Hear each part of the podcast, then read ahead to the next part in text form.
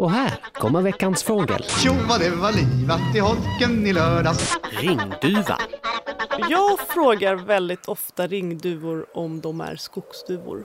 Och varför gör du det, Klara? Jo, för att min biologilärare Nisse på Blackebergs gymnasium, han lärde oss i NV3B att eh, om man hör en duva kuttra och vill veta vilken duva det är, då ska man fråga är du en skogsduva? Och skogsduvan svarar jo, jo, ja typ så, jo, jo. Och ringduvan svarar vad frågar du för? Jag bär ju en ring. Jo. Ah, smart. Bra minnesregel va? Jättebra minnesregel. Får jag anmärka på skogsduvan där bara? Ja. Den är lite mer ja, ja, ja. Ja, den är riktigt tråkig. Ja, för att jag har typ aldrig hört att en skogsduva svarat ja heller. Det är ju alltid ringduva man hör. Ja, men det, så är det nog ganska ofta. Skogsduvan är... Om vi säger att skogsduvan är i skogen eh, så kan väl det vara någon slags lite mer riktning. Ja, men den är lite ovanligare och den finns inte så mycket i parker och sånt där. Det är inte riktigt lika nära människan. Men även i skogen, jag tycker inte ovanligt att man hör ringduvor i skogen. Nej, absolut inte. Men eh, skogsduvan är mer ute på vischan, så kan vi säga. Men du, det finns ju turkduvor också i Sverige, eller hur? Mm. Och vad säger de? Så att vi verkligen har koll på kuttret. Alltså, turkduvor, vad säger de egentligen? Det var en oerhört bra fråga. Jag kommer faktiskt inte ihåg. Eh, de har också ett duvläte. Eh, och de låter inte... Och inte... Du glöm... Nej, nej Anders, du, glöm... du glömde... Du... Nej, du glömde på slutet. Jaha, Frå- ja just det. Alltid hu, hu, hu. Hu, hu, hu, hu. Hu. Och det är ju ett i. Vad frågar du för? Jag bär ju en ring. Ju. Den Ah, är okej. viktig. Ja, ja, all right. Yes. yes. Ja, men som du märker så har jag inte koll på duvornas läten. Ja, för jag kan tänka mig om det är något som inte ökar din puls så är det ringduvor. Ringduvor ökar inte min puls jättemycket. Nej, det är korrekt. Mm. Men detta till trots, det är ju en, en vacker fågel. Ja, det är att ta i. Ja, kanske. Ja, men, ja, men Det är ju liksom fågelvärldens råttor.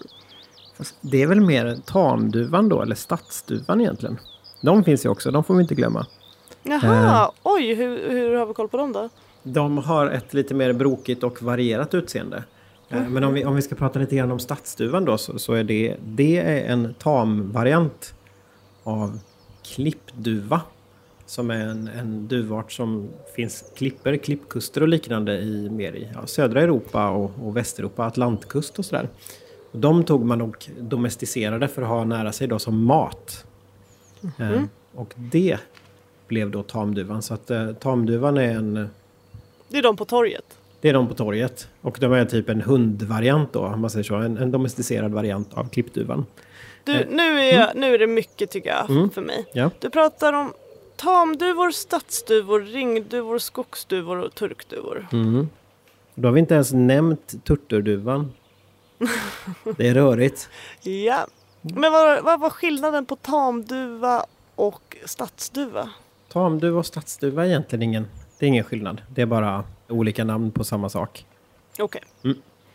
Du, eh, jag trodde det var ringduvor som man eh, såg mycket på torget och så. Men eh, var ska jag titta istället? Ringduvan kan du också hitta i stadsmiljöer om vi säger så. Men du kanske går från torget och till parken istället.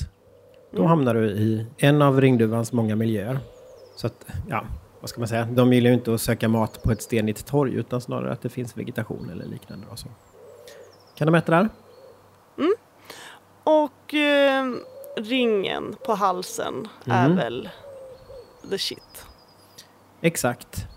Eh, Så de har en, en teckning på halsen som är, ja, alltså det är inte riktigt en ring, det är snarare en fläck på, En liten krage. Ja, exakt.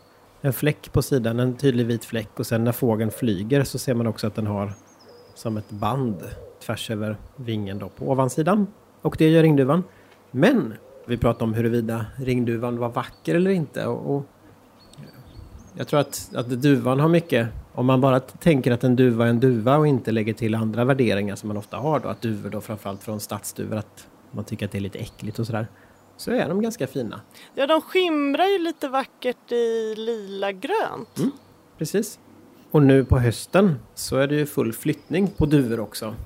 Och då kan de komma i väldigt vackra så här täta flockar.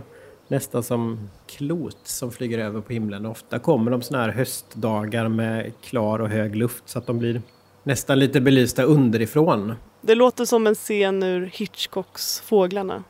När du beskriver det. Okej, ja, men det, det, då, då beskriver jag det väldigt dåligt. Eh, för att eh, det är väldigt vackert. Så att ganska täta flockar som kommer högt och så blänker de lite grann i den reflekterade solen mot en klar hösttimme eller en sån här dag med gula löv på träden. Ja, men det, ja, det är ganska fint alltså. Vad härligt! Mm.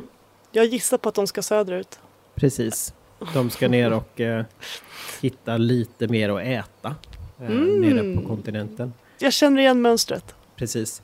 Eh, Jag kan också nämna att eh, i parker och liknande nära människan så finns det ofta mat åt ringduvan året runt. Men generellt då så är det lite sämre förhållanden på vintern så att eh, därför söker sig, under oktober månad så söker sig många ringduvor söderut. Och övervintrar på snöfria fält och liknande då där de kan hitta föda även på vintern. Hur många procent är emigranter? Här tvingas jag dra till med en eh, killgissning. Eller en helt enkelt en gissning. Ja, Eh, och då säger jag att 70 procent mm. av duvorna, ringduvorna lämnar Sverige Mm. För vintern.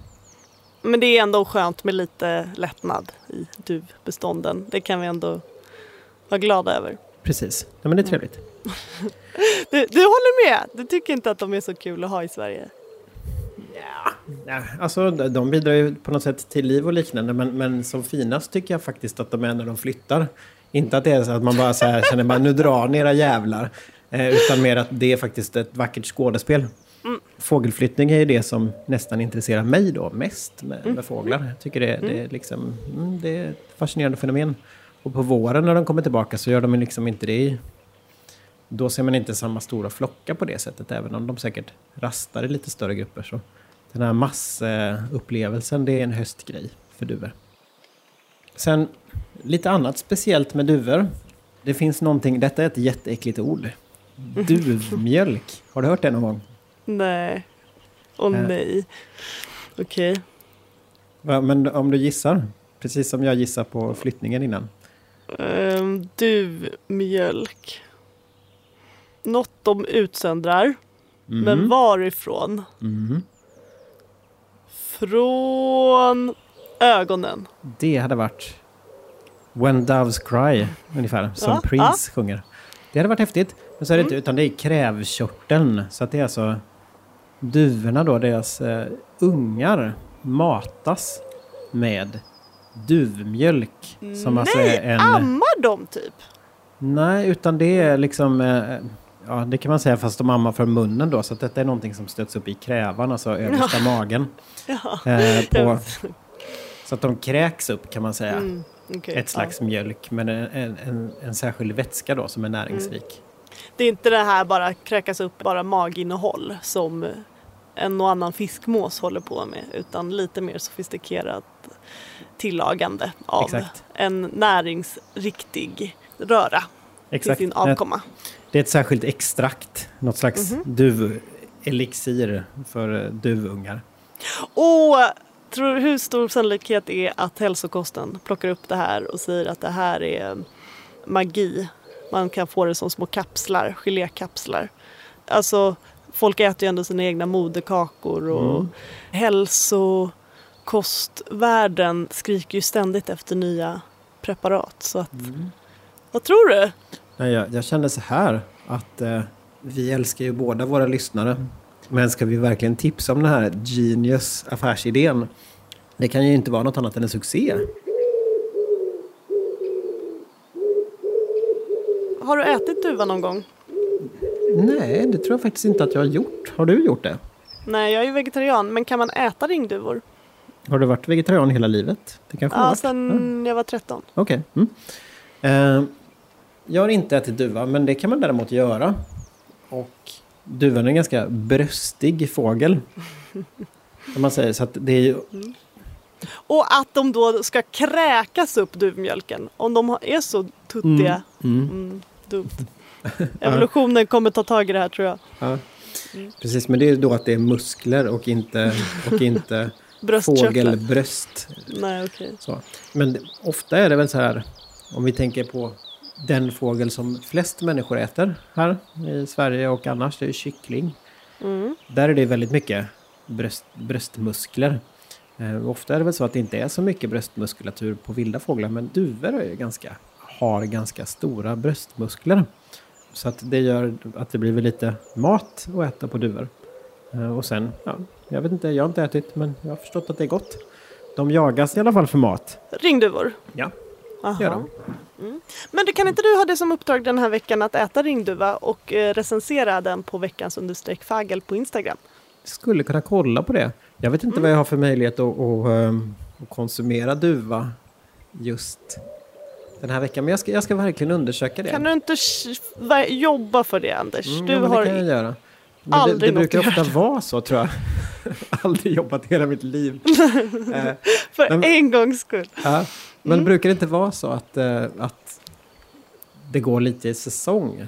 Liksom vilket viltkött eller vilket fågelkött som man kan köpa när. Eh, och då tror jag att den här jaktsäsongen på, på ringduvor, det, det är nog i, snarare i augusti. Okej, då men då borde det finnas ganska färskt infruset Mm, mm. Ja, men jag kollar. Jag lovar att kolla. Bra. Har vi något mer? Undrar du något mer om ringduvan, Klara? Nej. Alltså vi har pratat lite om ringduvan och det känns som att vi inte har så här jättemycket att säga om den, även om det är en vanlig fågel.